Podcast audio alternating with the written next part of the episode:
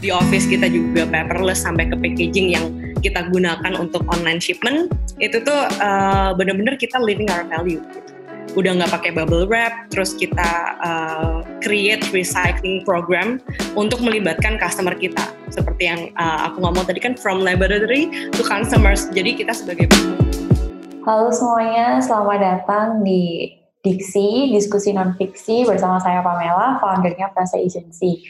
Di episode kali ini kita kedatangan dua tamu spesial, uh, co-founders dari brand yang aku admire banget. Salah satu local brand, pioneer hand sanitizer modern di Indonesia. Mereka udah ada sejak tahun 2015 dan sampai sekarang udah munculin banyak inovasi baru dari produknya. Yuk kita sambut Yunika dan Jocelyn Stephanie. Halo.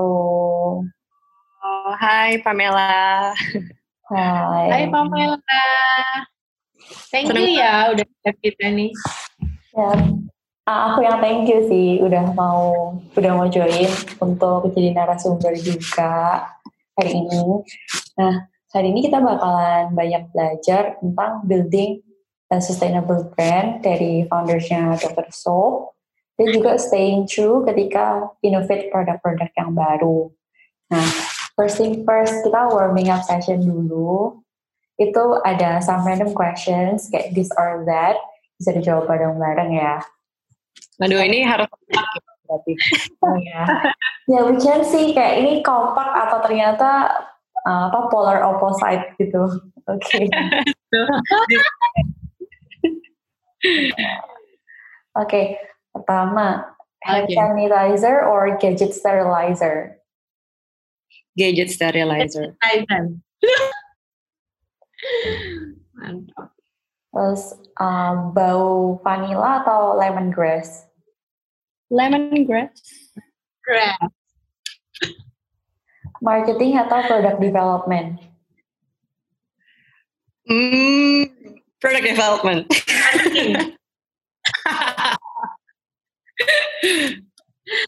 Jakarta atau Surabaya?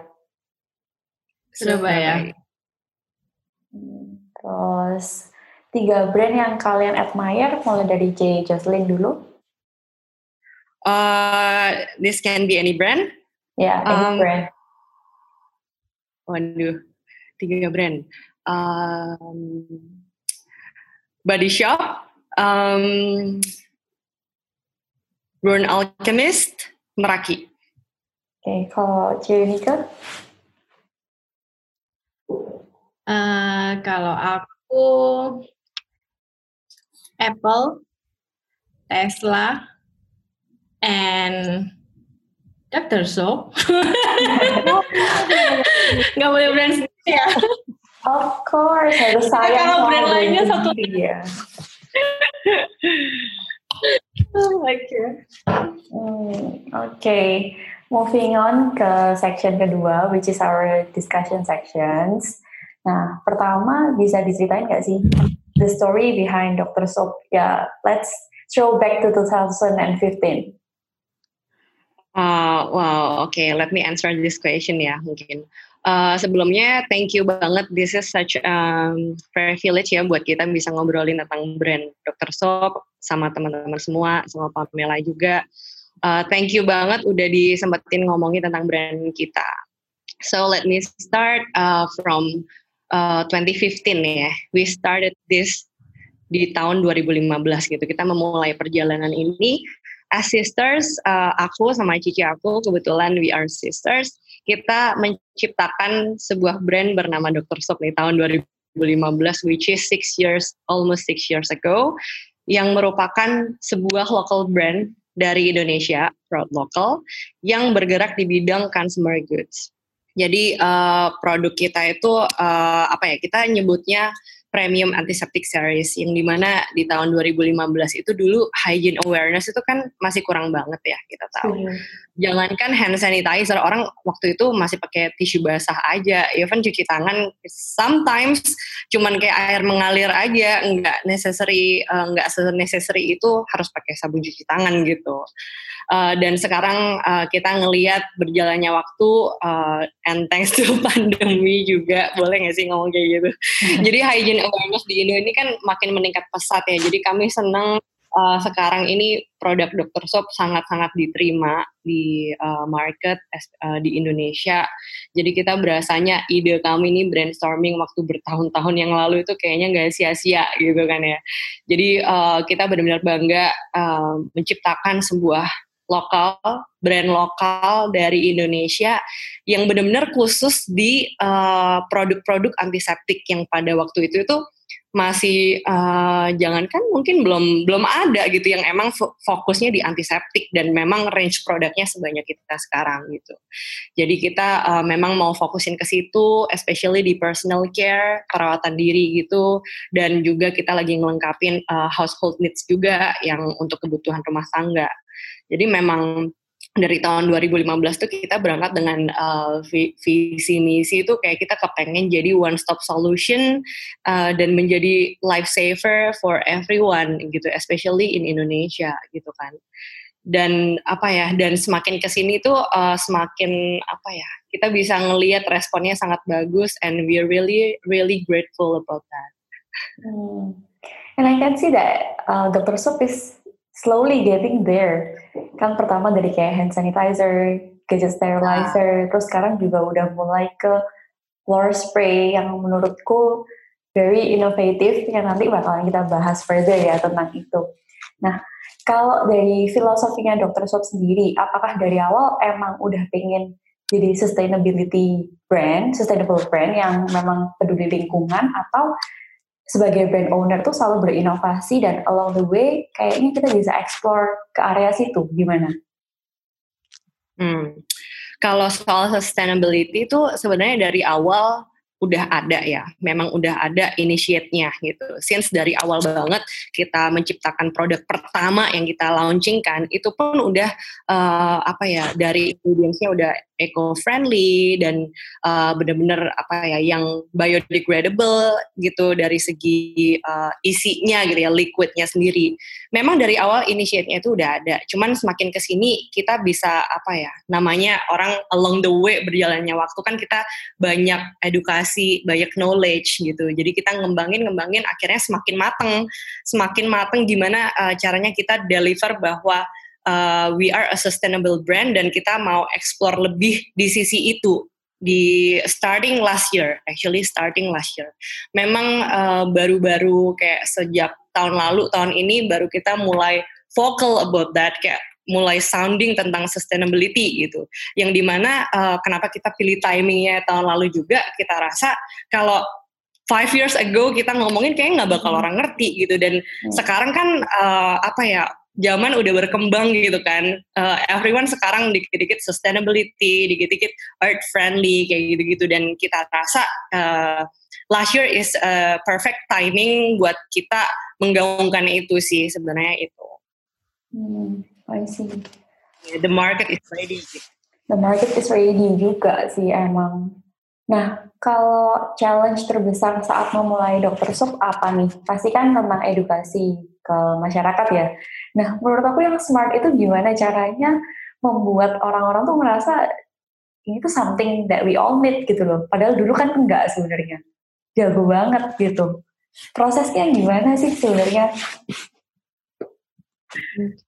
Kalau ini boleh aku jawab ya? Boleh.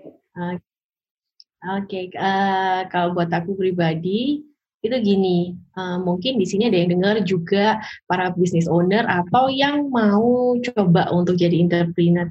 Mungkin uh, kalau dilihat ya sekitar enam tahun yang lalu mungkin kita nggak fasih banget dengan istilah-istilah marketing atau istilah-istilah yang sekarang kita sudah tahu. Tapi kalau disederhanain itu sebenarnya gini, brand itu membuat sebuah produk itu harusnya itu jadi solusi gitu. Jadi kalau challenge sebesar sebenarnya tadi Pamela tanya, gimana caranya kita solve the problem of our customer untuk menjadi satu produk yang benar-benar itu jadi jawaban hidup buat mereka dan mereka bisa bangga ngomong Dr. Soap is a my lifesaver gitu. Jadi kalau challenge sebesar pada uh, awalnya day one-nya itu adalah masalah ini sih solve the problem ya. Nah, yang saya lihat pada waktu itu challenge-nya hygiene awareness sulit, tapi kita bisa kasih solusi. Solusinya apa? Uh, aku juga ingat waktu itu uh, my sister Jocelyn habis good dan saya juga orangnya uh, sensitif gitu skinnya dan kita quite OCD juga dan pada saat itu kita nggak nemu produk yang kira-kiranya tuh kayak bisa nangkep apa gitu ya iya nah buat kita pakai sendiri aja gitu dan aku juga percaya saat kita bangun bisnis itu kita harus mulai itu tulis apa sih uh, solusi apa yang kita mau solve. Yang kedua, ya use what you have and do what you can gitu. Nah, kita waktu itu ngelihat oh kita bisa ini gitu. Kita bisa di bidang uh, apa personal care and home care lalu kita buat itu. Sebenarnya itu challenge yang lumayan terbesar sepanjang enam tahun tuh justru di day one-nya kita memutuskan kita build this brand gitu. Bagaimana kita ta, uh, bikin brand identity, lalu brand positioningnya mau seperti apa, target segmennya kita seperti apa, itu karena sebuah brand itu nggak bisa dong setiap dua tahun sekali ganti tagline atau ganti target segmen gitu. Jadi kalau the biggest challenge sebenarnya waktu dewanya gimana caranya kita solve the problem yang saat itu jadi our problem. Hmm. Nah, itu sih itu challenge terbesar ya. Mungkin bagaimana caranya kita bisa orang nggak tahu hygiene awareness tapi kok bisa suka beli dokter soap karena dia itu uh, dokter soap ini bisa jawab kebutuhan mereka. Orang-orang yang sensitif orang yang kepingin kualitinya baik seperti international brand tapi pingin harganya kayak produk lokal yang affordable. Nah, itu bisa didapat di Dr. Soap gitu. Jadi kalau pada waktu itu aku ngelihat banyak brand luar yang bagus tapi harganya melambung tinggi. Hand wash itu bisa sekitar 200 ribu at a time. Dan kita bisa buat yang harganya, aku ingat pertama kali kita launching harganya around 65 something lah gitu. Jadi very affordable gitu. Dan orang-orang yang semua kulitnya sensitif sampai hari ini ya mereka bisa di-solve-nya oleh Dr. Soap. Okay. Jadi key takeaways-nya buat fellow entrepreneurs atau entrepreneurs wannabe yang lagi dengerin podcast ini adalah start with solving your own problem dan mungkin nanti bakalan diiterit jadi lebih besar lagi brandnya kayak gitu. Mm-hmm. Aku juga inget sih dulu pertama kali tahu Dokter Sop itu kayaknya dari Basar tahun 2018 akhir kalau nggak 2019 awal. Emang waktu itu belum banyak hand sanitizer yang kelihatan keren gitu loh secara branding. Kalau aku sendiri sebenarnya uh, beli Dr. Soap cobain pertama tuh karena packagingnya gitu loh. Belum tahu kayak filosofinya itu apa gitu. That's why bener-bener pengen interview kalian berdua kayak gitu. Nah, hmm. kalau sekarang nih orang-orang kan hygiene awareness-nya juga udah tinggi. Terus pemain-pemain yang ada di hand sanitizer industry juga banyak banget lah mulai dari yang pakai bahan A B C D brandingnya A B C D gitu. Nah gimana sih caranya dokter soap itu maintaining competitiveness di tengah banyaknya kompetisi? Oke okay partinya aku lagi kali ya. Karena aku di sini aku ini marketing director uh, dan Jocelyn ini creative editorial director. Tadi kalau Pamela bilang pertama kali kamu beli karena kamu suka packaging nah ini woman behind-nya si Jocelyn nah kalau pertanyaan tentang marketing nah itu aku tuh. Oke coba aku uh, gimana caranya dokter seperti kok bisa survive gitu ya maksud Pamela ya? Ya benar. Yang pertama inovatif yang kedua inovatif, yang ketiga inovatif sih aku bilang. Itu caranya kita supaya survive. Any brand gitu, bukan hanya uh, sanitizer. Sekarang juga banyak orang jualan fried rice atau boba. Apa yang bisa di apa yang bisa dieksplor ya inovasi sih ya. Inovasi dari brand itu sendiri. Inovasi kalau dibedah banyak banget.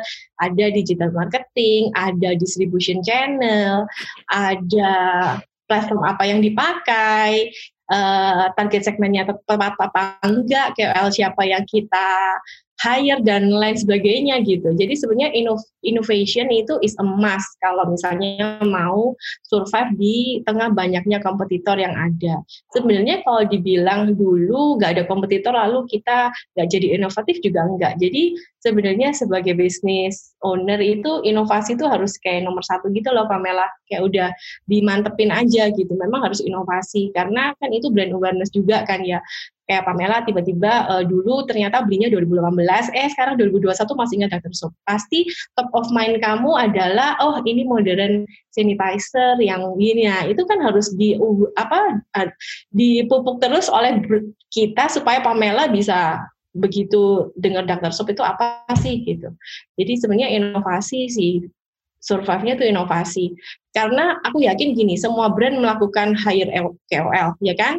Semua brand juga punya video campaign, semua brand juga punya sosial media, semua brand juga punya platform. Apa yang membuat kita jadi diferensiasinya itu ya dari inovasi dari produk itu sendiri. Kebetulan kita personalkan home care, jadi kita fokusin di quality, di ingredients. Tadi Pamela bilang kita nggak greenwashing, uh, kita memang seperti itu yang nggak nggak ini ya, emang kayak gitu gitu. Menurut aku R&D juga ya, Iya sih, jadi ingat sama quotes kalau the best marketing is actually your own product gitu, because the product speaks for itself.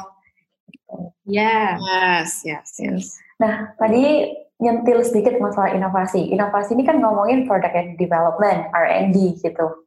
Uh, kalau dari dokter Soap sendiri, proses developing new products itu kayak apa? Do you guys do some research with existing customers atau kayak gimana? Oke, bisa gantian kamu dulu, Van, uh, yang jawab. Oke, okay. uh, eh, kalau prosesnya R&D itu ya memang yang pertama, yang paling pertama yang uh, jadi concern kita itu adalah kebutuhan. Buat apa kita nyiptain produk kalau orang nggak butuh, gitu kan? Jadi benar-benar kayak kita we really listen what our customer wants, what our customers needs gitu. Uh, kalau jadi kita tuh suka even though we are the founders, yes, uh, I have a social media person, yes, tapi kita benar-benar aktif banget ngeliatin DM. Uh, terus kita sering meeting juga uh, sama customer relation kita kayak uh, what they actually need gitu kayak what their concern what they want gitu. Dan itu benar-benar menjadi concern kita. Kita develop dari situ sih. Simpelnya tuh berangkat dari situ. Dan kita benar-benar dengerin oh orang itu butuh ini nih banyak yang request produk ini. Terus uh, baru kita dik gitu kita gali lagi lebih dalam. Uh, apakah ini adalah langkah yang tepat nih? Terus timingnya kapan? Kayak gitu-gitu. Kita set timingnya dulu kita set produknya dulu apa yang kita mau launching gitu kan. Bukan cuman eh uh, ngelihat pengen bikin ini nih bikin. Oh brand lain bikin ini nih bikin. Enggak gitu. It doesn't works with us. Jadi uh, emang benar-benar kita listen kita dengerin uh, kebutuhan orang dulu dari situ baru kita uh, ngembangin bareng nih aku sama cici aku kebetulan kita juga behind the R&D division kita ngobrol terus kita research terus kita cari uh, kompetitor karena memang kita terus inovasi ya. Jadi kebanyakan produk yang kita bikin itu belum ada di Indonesia. Jadi kita banyak researchnya itu produk luar negeri. Kita benar-benar kepengen ngebawa no local brand itu very capable gitu produk lokal itu sangat berkapasitas untuk menciptakan sebuah produk dengan kualitas internasional. Oke, okay, let's do it gitu. Jadi uh, ya memang kita banyak ngelihat uh, panutan brand gitu, brand kita tuh banyak dari luar gitu, Pamela. Dari situ uh, kita discuss gitu kan. Mungkin Cici aku mau nambahin juga. Hmm, aku setuju banget sih kalau product development memang harus solve the problem ya. Mungkin kalau aku jadi tambahkan uh, terus idenya dari mana gitu ya. Nah, idenya tuh sebenarnya bisa dari mana aja. Jadi menurut aku ide itu tiba-tiba random gitu. Waktu waktu pas kita mikir apa, terus tiba-tiba ide itu datang. Ide juga bisa datang yang kedua karena urgency. Kalau misalnya kita ngeliat, oh, jadi gini, mungkin ini kisah nyata. Aku singkatin aja ceritanya. Jadi waktu aku pandemik, sebenarnya kita tuh kan nggak usah melakukan activity atau inovasi atau marketing apa pun sebenarnya pasti orang itu datang banyak beli kan. Tapi justru di saat itu kita tuh nggak mau nggak mau berhenti karena aku yakin sampai satu titik masyarakat itu akan bosan dengan produk yang itu-itu aja untuk pembersih. Sehingga saya banyak dengar nggak hanya customer mungkin dari teman-teman atau inner circle saya yang mereka hari itu tuh kesulitan gitu hire ART sulit karena pandemik dan lain sebagainya sehingga mereka tuh kerjain sendiri. Nah, kalau kerjain sendiri butuh barang yang sangat efisien sehingga kita mulai dari tahun lalu kita R&D yang namanya instant floor spray dan salah satunya itu uh, fruit salad and dishwash gitu. Jadi instant floor spray itu kayaknya sekarang itu pujaan hati para ibu-ibu dan para millennials yang tinggal di kos atau yang di small space gitu ya atau home office kan sekarang banyak banget ya co-working space dan mereka nggak harus uh, punya ember yang besar habisin air yang terlalu banyak. Jadi kita inovasinya justru kita dari urgency. Kira kita harus bisa baca market uh, ke depan sih. Itu menurut aku penting. Nah habis itu uh, habis itu biasanya itu kita tuh istilahnya kalau istilah keren, kerennya itu namanya market validation. Tapi kalau bahasa sederhananya itu dilihat yang bener nggak ini menjawab gitu. Persis tadi kayak Jocelyn ngomong. Terus akhirnya si uh, for salad and disposal juga gitu. Jadi biasa kita nyuci sendiri ada sabun cuci piring uh, sendiri cuci uh, buah sendiri cuci botol bayi sendiri kayak for gitu punya banyak banget. Kita jadiin cuma satu produk tapi itu bisa jadi multi cleanser jadi sebenarnya urgency ide yang random itu bisa dapat dari mana aja apalagi yang fruit salad dishwash tuh uh, dermatologically tested kan.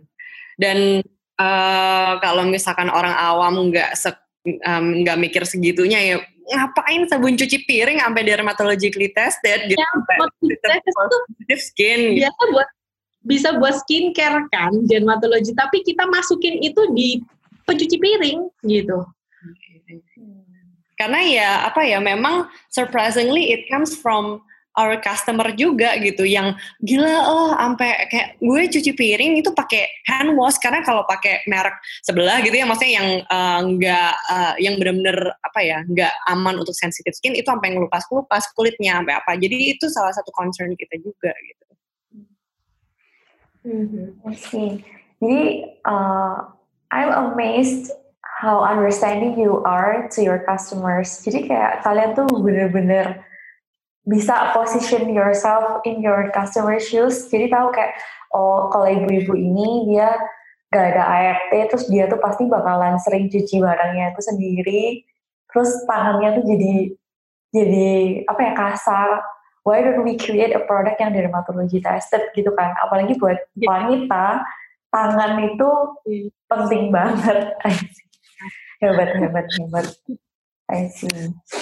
Nah Um, ngomongin yang instant floor spray, actually one of my favorite campaign dari Dr. Soap itu yang yang instant floor spray ini. Jadi aku ini kan sebenarnya bukan orang yang sustainable sustainable sustainability friendly gitulah. Aku not really interested into environment friendly stuff gitu. Tapi aku sempat lihat videonya Dr. Soap yang yang bilang kalau don't you realize kalau kalian tuh tiap kali tiap kali ngepel itu bisa ngabisin 2 liter air atau gimana gitu ya. Terus kayak, oh wow, aku langsung kaget gitu. Kayak ternyata waste kita banyak banget. Terus ternyata just by using your products, itu bisa benar-benar efektif gitu doang gitu. Keren sih. Ini it's coming from the deepest of my heart. Kayak bukan orang marketing, tapi sebagai pure human being yang memang kayaknya kita harus peduli sama alam gitu loh. Yes, itu sebenarnya interesting banget ngebahas tentang uh, sustainability ya. Mungkin uh, kalau Pamela ngeliat atau teman-teman yang lain bisa ngeliat di Instagram kita at Dr. Official, lately kita lagi bahas tentang our value. Hmm. Jadi uh, kita punya tiga value yaitu creativity, safety, and also sustainability. Itu yang lagi kita soundingkan lah akhir-akhir uh, ini gitu. Jadi um, memang kita ini benar-benar live our value, Pamela. Jadi bukan cuma di produk doang nih, from laboratory to consumers sampai ke office uh, apa ya kegiatan operasional kita pun juga. Dari ingredients lah yang kita pakai itu semuanya eco friendly bener-bener nggak cuman uh, nggak uh, harmful for humans only tapi juga also for environment. Jadi kita benar-benar pikirin sampai situ everything is uh, also biodegradable, uh, halal certified, eco-friendly, cruelty-free, kayak gitu-gitu. Itu yang lagi uh, kita soundingin sekarang ini gitu. Di office kita juga paperless sampai ke packaging yang kita gunakan untuk online shipment. Itu tuh uh, benar-benar kita living our value gitu. udah nggak pakai bubble wrap, terus kita uh, create recycling program untuk melibatkan customer kita seperti yang uh, aku ngomong tadi kan from laboratory to consumers. Jadi kita sebagai produsen nggak nggak cuma kayak sisi kita doang nih. Kita kepengen ngajak orang. Kita suka banget pakai istilah people powered action. Itu di mana kita ngajak customer kita untuk bisa lebih aware lagi dan secara nggak langsung itu berkontribusi gitu terhadap uh, lingkungan dan tentang isu kehidupan berkelanjutan kayak gitu sustainable living. Terus uh, selain itu uh, secara as a brand ya kita tuh develop terus ya kita komitmen untuk develop terus dari segi produk kita kepengen menyuguhkan satu produk yang memberi kesan safety. Tadi kan kita banyak uh, ngobrolin tentang life saver kayak gitu-gitu kan. Jadi kita salah satu value kita kan creativity, safety, and sustainability gitu. Safety to our users, safety uh, also for our planet sebenarnya itu itu DNA uh, brand kita gitu.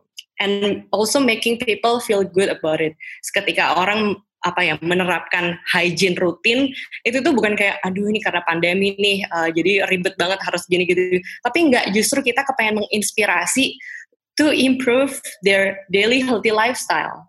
Itu sebenarnya uh, our objective as a brand ya jadi selain menyuguh, menyuguhkan produk yang benar-benar sustainable, uh, kita benar-benar living our value juga. Dan kita ngelihat banyak tadi Pamela sempat bilang uh, apa gimana kayak brand lain banyak yang greenwashing nih gitu. Jadi kita benar-benar nggak greenwashing. Mungkin kalau Pamela kepengen tahu uh, apa ya, kepengen denger nih mungkin program apa yang uh, lagi kita lakuin sekarang yang apa ya kontribusi dan peran kita dalam sustainability itu apa mungkin kita bisa ceritain juga. Oke, oke, oke. Nah, um, yang aku tangkap dulu ya yang dari dari conversation ini adalah as a brand we stand for our values gitu. Dan value ini tuh nggak cuma hiasan yang kita bikin-bikin, tapi ya kita living that dan pelan-pelan dikomunikasiin kan ke customers.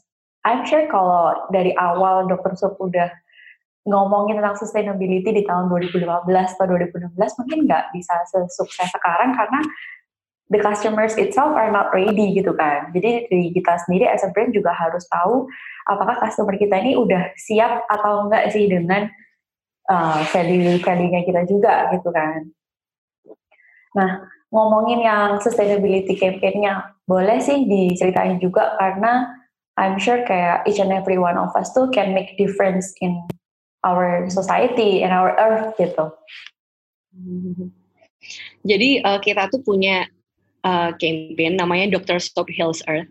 Uh, itu our uh, social movement gitu ya, bisa dibilang itu CSR movementnya kita. Namanya Dr. Stop Hills Earth. Actually, this is a social movement dengan tujuan untuk raise people awareness about uh, apa ya, concerning about health access hygiene education, terus uh, sustainability juga, issue sustainability. Dan kita tuh kepengen nggak cuman brand kita aja uh, yang melakukan, kita kepengen encourage our customer itu untuk uh, apa ya, together we can make a huge difference gitu to to the earth and also uh, its inhabitants gitu. Jadi kita program pertama kita ini kita tahun lalu kita sempat mengadakan Global Hand Washing Day di tahun 2020 untuk memperingati Global Hand Washing Day. Kita itu ke sekolah gratis. Mungkin kalau orang milenial nih yang udah uh, gadget savvy gitu ya, yang udah uh, eh, high tech banget, terus very uh, eh, open minded person, itu mungkin tahu gitu, oh hygiene itu begini. Tapi kita concern ke uh, gimana nih untuk anak-anak yang nggak terjamah nih um, apa hygiene educationnya itu minim banget. Jadi kita benar-benar uh, kepengen do something for them gitu yang di mana ya kalau di social media udah nggak perlu lagi ya semua orang udah pinter gitu kan. Jadi kita take parts untuk uh, apa ngejamah mereka supaya mereka lebih uh, dapat knowledge dan edukasi hygiene itu sebenarnya kayak gimana. Itu di sekolah gratis itu kita adain tahun lalu. And also uh, di tahun lalu itu kita juga planted 50 trees. Jadi kita uh, nanam pohon. Kita sempat kerja sama sama Project Planet and uh, Lindungi Hutan Indonesia. Uh, kita nanam 50 pohon, terus tahun lalu juga kita uh, funding kita ada one bottle equal with one liter clean water gitu. Jadi itu the way kita ngajak customer kita untuk uh, saving life through life saving bottles. Jadi kalau orang ngebeli produk Dr. Soap itu kita uh, funding terus kita allocate uh, apa seper apa ya sebagian dana dari hasil penjualan itu kita kumpulin untuk uh, project kita yang uh, hopefully bisa uh, apa ya terrealisasi akhir tahun ini atau tahun depan gitu karena kan sekarang lagi pandemi nih kita kepengen uh, apa ya um, memberikan health access yang layak gitu ya untuk area yang membutuhkan. Itu salah satu campaign kita juga di Dr. Soap Health Earth. Terus uh, bertepatan dengan anniversary-nya kita, sebelumnya kan kita nggak pernah ngerayain ini selebrasi anniversary. Di Juni Juli ini ini kebetulan uh, our six years anniversary Pamela. Jadi kayak nggak kerasa nih udah enam tahun gitu kan. Kita kepengen speak more about our brand and our DNA what we uh, gonna do next who we are gitu. Jadi kita sekarang lagi develop loyalty program hmm. uh, dan juga kita lagi working with uh, apa ya working with some community dari Jakarta tiga komunitas besar. Tapi mungkin aku nggak bisa ceritain sekarang tapi soon akan launching di uh, social media YouTube and everything kita lagi bikin special campaign nih untuk ngerayain six years anniversary di bulan Juni Juli jadi uh, mohon doa doanya juga supaya lancar jadi memang ini bukan untuk jualan tapi kita pure kepengen raising people awareness about health access and hygiene education Mm-hmm. Ya, jadi so far itu sih tentang Dr. Soap Hills Art dan kita kepengen mengajak semakin banyak orang bisa kontribusi melalui brand kita. It's such an honor. Wow. dan hopefully kalau setelah kalau setelah uh, Pamela sama teman-teman di sini pada dengar, ini sebagai added value dari sebuah brand. Jadi kalau habis dengerin ini, pasti pengennya beli Dr. Soap karena sudah tahu brand value-nya seperti apa. Ternyata mereka nggak jualan aja, mereka punya sebuah big mission buat planet ini gitu. Jadi nggak usah pilih yang lain kan jadinya gitu. Ada juga kita bikin program recycling campaign, Pamela. Jadi nggak banyak brand yang uh, belum banyak ya brand yang bikin return bottles activation gitu kan. Ini kita lagi aktifin yang aku ceritain loyalty program tadi gitu. Jadi kalau uh, orang beli dokter soap orang itu sebenarnya bisa uh, balikin botolnya dan kita bertanggung jawab untuk merecycle. Kita lagi ngembangin itu sih sekarang Wow, keren sih. Maksudnya aku denger itu juga jadi ikutan excited karena both you guys as a brand owners itu beneran punya vision gitu loh. Kayak dua tahun lagi ngapain kira-kira tiga tahun lagi itu ngapain kira-kira. Dan yang paling kerasa adalah you guys invite uh, treating your customers as a community dan bener-bener invite the community to do something for the mother earth gitu kan. Nah uh, mau nanya nih buat C Unika nih uh, dokter Soto kan actually udah identik lah ya pertama sama hand sanitizers terus ada kesulitan nggak sih waktu kayak launching another product yang actually bukan produk hero atau bukan produk foundationsnya gitu loh? Uh, sebenarnya kalau mau launching itu bukan sulit karena dia produk hero atau bukan. Kayaknya setiap launching itu bakal sulit gitu. Bener kan? karena Tadi aku juga bilang kan di depan bahwa barang-barang kita tuh mostly barang belum ada gitu Pamela di Indonesia. Jadi kesulitan itu akan selalu ada meskipun itu nggak produk hero atau apa itu emang sulit sih gitu. Gimana caranya dan kadang itu takes money ya untuk orang-orang bener-bener nangkep apa sih itu instant floor spray gitu. Sepenting apa sih? Jadi uh, penjelasan produk knowledge-nya itu mesti kayak dicecer terus gitu loh. Menurut aku itu yang tantangan yang terbesar setiap kali produk launching ya.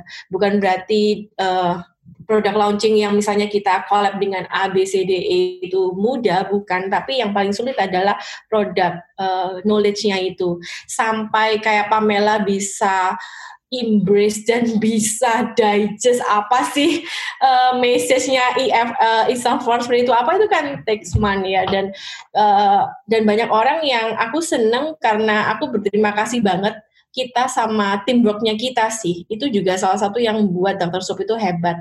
Karena kita punya teamwork kita punya uh, teman-teman di tim itu bisa menceritakan dan apa ya bisa nangkep apa yang dimau oleh kita berdua lalu itu di da, apa dibuat dalam sebuah video dalam sebuah campaign. Itu sih itu sih. Dan menurut aku kayak uh, contohnya ya contohnya uh, tim kita itu bisa merestori bahwa oh biasanya orang itu ngepel habis ngepel kemudian uh, eh, ambil ember isi air kemudian dia pel lagi lantainya dan biasa kan orang habis ngepel terus kemudian dia masukin mopnya itu ke ember itu tadi yang ada isi obat kan kalau pakai merek lain ya gitu. Nah itu kan nggak efektif ya. Jadinya akhirnya bakteri yang tadi di lantai dimasukkan ke ember kemudian diperas lagi terus iya juga ya. dipel lagi di lantai kamu gitu. Nah mungkin you're spreading germs Iya, malah spreading germs gitu. Jadi menurut aku ke kesulitannya itu bagaimana cara kita mengkomunikasikan apa sih produk ini gitu sampai harus di rumah kamu punya. Oke, okay. so that's the art of being pioneer. Pertama, create apa ya? Gimana caranya untuk edukasi tentang tentang produknya itu, dan yang kedua ya komunikasiin your product value to the customers gitu kan, karena produk ini masih benar-benar baru gitu. Nah, last questions. Um, actually, how does it feel to work with sisters? Terus kayak how to maintain the professionalism? Karena me myself sebenarnya kan aku tiga bersaudara cewek juga tapi I never imagine working with my sisters Okay, how does it feel? Fun? uh, it feels um, jadi nggak enak. Ini kayak enak-enak aja sih ya, cuman uh, ya kadang kan, oh gini, untungnya kita tuh beda divisi Gitu kali Pamela untuk siasati. Saling lengkapin. Iya, saling lengkapin. Karena sebenarnya uh, kerja sama sister itu ya so far itu malah enak loh kalau dibandingkan dengan kita bekerja sendiri. Maksudnya nggak ada teman tandem gitu ya, nggak ada teman tandem. Um, itu sulit gitu. Karena kalau sama uh, sister itu aku senangnya kadang sekarang kita beda kota. Dulu kalau Sim City kayaknya aku kedip dikit adik aku udah ngerti maksud aku apa atau kalau adik aku melakukan sesuatu apa aku langsung bisa ngerti oh dia itu ujungnya mau kayak gini gitu. Jadi sebenarnya itu malah enak karena ada sister ininya ya bondingnya itu masih tentara. Cuman memang kalau dari aku pribadi harus pinter-pinter profesionalnya itu. Jadi kalau kita ini nggak pernah nggak cekcok ya pasti cekcok kan gitu. Ada aja lah ada aja. Cuman untungnya kita siasati karena kita beda divisi yang pertama. Jadi saya sangat menghormati adik saya itu di branding. Saya nggak berani uh, eh, utak utik keputusannya dia di branding begitu pula sebaliknya. Dia nggak akan juga uh, cegah aku masuk ke toko A B C bagaimana approach orang dan lain sebagainya gitu Ya kalau profesional ya balik lagi kalau udah selesai sih so far kita selesai-selesai aja. Maksudnya uh, karena nanti kalau nggak solid nggak jadi cuan. ya nggak sih? kalau aku sih it feels uh, it feels apa ya like a rainbow gitu sometimes bisa merah sometimes bisa ungu gitu kan with, uh, apa ya dengan color definition itu maksudnya dari segi emotion dan lain-lain itu tuh um, cekcok iya. Terus tapi seru sih buat aku tuh seru. Terus uh, aku ngerasa apa ya kalau working with sisters itu lebih nggak ada trust issues uh, dibandingin working with your friends or uh, partner yang uh, maksudnya ngerti ya? Maksudnya kalau dengan sisters ya uh, kayak jadi kebilang tadi, aku nggak pernah sih batasin dia in uh, apa ya in any marketing strategy yang memasuk ke toko A, B, C. Karena aku tahu gitu the core uh, dari brand ini itu dia nggak mungkin lari dari situ gitu. Uh, sama halnya kayak Cici aku tadi bilang percayain branding sama aku. Jadi kayak lebih gampang gitu loh kayak nggak mungkin sih ini bakal lari ke mana-mana gitu kan. Kayak um, lebih bisa on the same uh, on the same track. Terus juga cara komunikasinya itu uh, apa ya bisa lebih open, nggak sungkan-sungkan, terus uh, straight to the point, terus nggak hard feeling karena no matter what, lu nggak bakal hilang ke mana-mana anyway kan, gue bakal di sini senantiasa gitu. udah udah nggak bisa lari nih udah mau sebel mau happy tapi uh, apa beside semua itu kayak seneng kita seneng bareng, kita susah-susah bareng, kita build this brand six years ago juga bareng. Jadi all the ups and downs itu kita nikmati sama-sama sampai sekarang sih. Dan aku percaya success is never reach alone. Jadi beda banget kalau kamu tuh kerja sendiri sama kerja bareng, especially kayak sisters gitu. Dan harus konsisten sih. What we are doing itu kita harus konsisten to make this all everything happen until now. Ya, yeah ada quote nih Pamela. If you want to go fast, kerjain sendiri. Kalau mau go far, kerjain together. Menurut aku tuh itu quote yang bagus dan bisa mengimplementasikan semua yang tadi kita jawab. Uh, Sebelumnya juga pernah kita di interview. Satu kunci apa suksesnya work with sisters? Apa Jangan baper. Oh, okay. be professional and jangan baper. Jadi kalau when it comes to work talks, ya udah be professional. Tapi setelah kayak nggak kerja, kita holiday atau ketemu bareng gitu, kita benar-benar quality time banget dan uh, ya make making the best out of it sih kalau kita ketemu. Hmm. So the key are actually first be professional, tahu konteksnya lah. Ini lagi ngobrolin as a colleagues, coworkers, atau as a sister. Terus yang kedua adalah trust, karena ya harus percaya kan sama capability-nya masing-masing juga. Selain seeing them as a sister, tapi harus ngelihat mereka sebagai coworkers ini emang capability-nya di sana atau enggak. Karena udah trust, ketiga jadi bisa respect mereka. Karena we know that they are actually capable and they want to give their best in the brand. Mm -hmm. See. Dan di samping itu juga aku percaya tim under Cici aku juga. Pasti uh, Cici aku juga. Jadi bukan cuma orangnya juga, tapi aku benar-benar mempercayakan the whole division uh, under kita masing-masing itu pasti kita memberikan yang terbaik lah gitu, sampai ke ujung-ujungnya. Oke. Okay. Any last word buat our listeners ya maybe kayak film entrepreneurs atau brand enthusiast kayak gitu. Mungkin dari C. Jocelyn atau C. Unika singkat aja nggak apa-apa to end the podcast?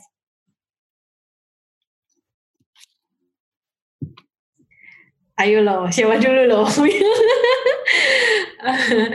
Kalau aku sih gini pesannya ya, sebenarnya uh, jadi business owner itu susah-susah gampang, gampang-gampang susah. Buat aku sih moto yang sampai aku hidupi, value yang aku hidupi sampai sekarang ini, menurut aku harus be genuine, harus punya integriti dalam pekerjaan ya mau jadi bisnis owner, mau jadi istri, mau jadi suami, mau jadi apa pun kita integriti itu mesti penting ya.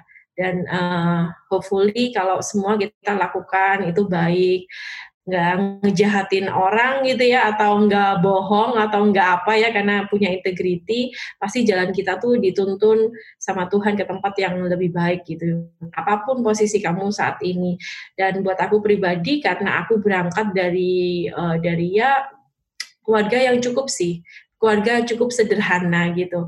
Dan kalau aku melihat sampai aku bisa di sini itu semua itu sebenarnya itu kan kayak blessing aja ya. Jadi kita mesti jadi orang yang harus rendah hati terus lah gitu. Jadi jangan jangan merasa apa yang kita dapat itu itu semua hasil karyanya kita gitu, kemampuan kita.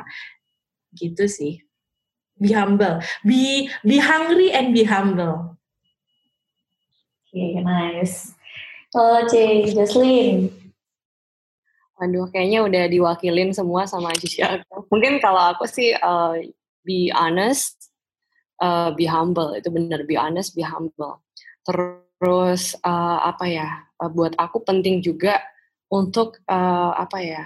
Surround yourself with a good team.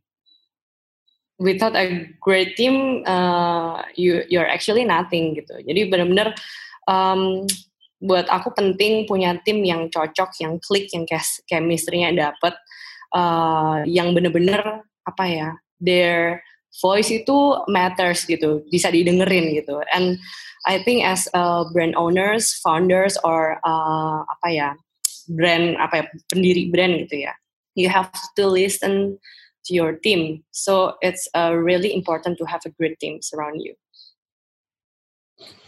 Okay. Uh, it's been such an interesting talk. Uh, thank you so much for saying yes to be our guest. Meskipun nggak kenal sebelumnya, beneran waktu itu cuma approach di Unica, wishing kayak dibalas nggak ya, terus ternyata she said yes, ajak dia Jocelyn juga. I wish Dr. Som all the best and good luck for the sixth anniversary campaign and whatever it is. See you guys at the top. Thank you so much for listening to this podcast. See you and stay tuned to another episode. Bye. Thank you. Bye. Thank you.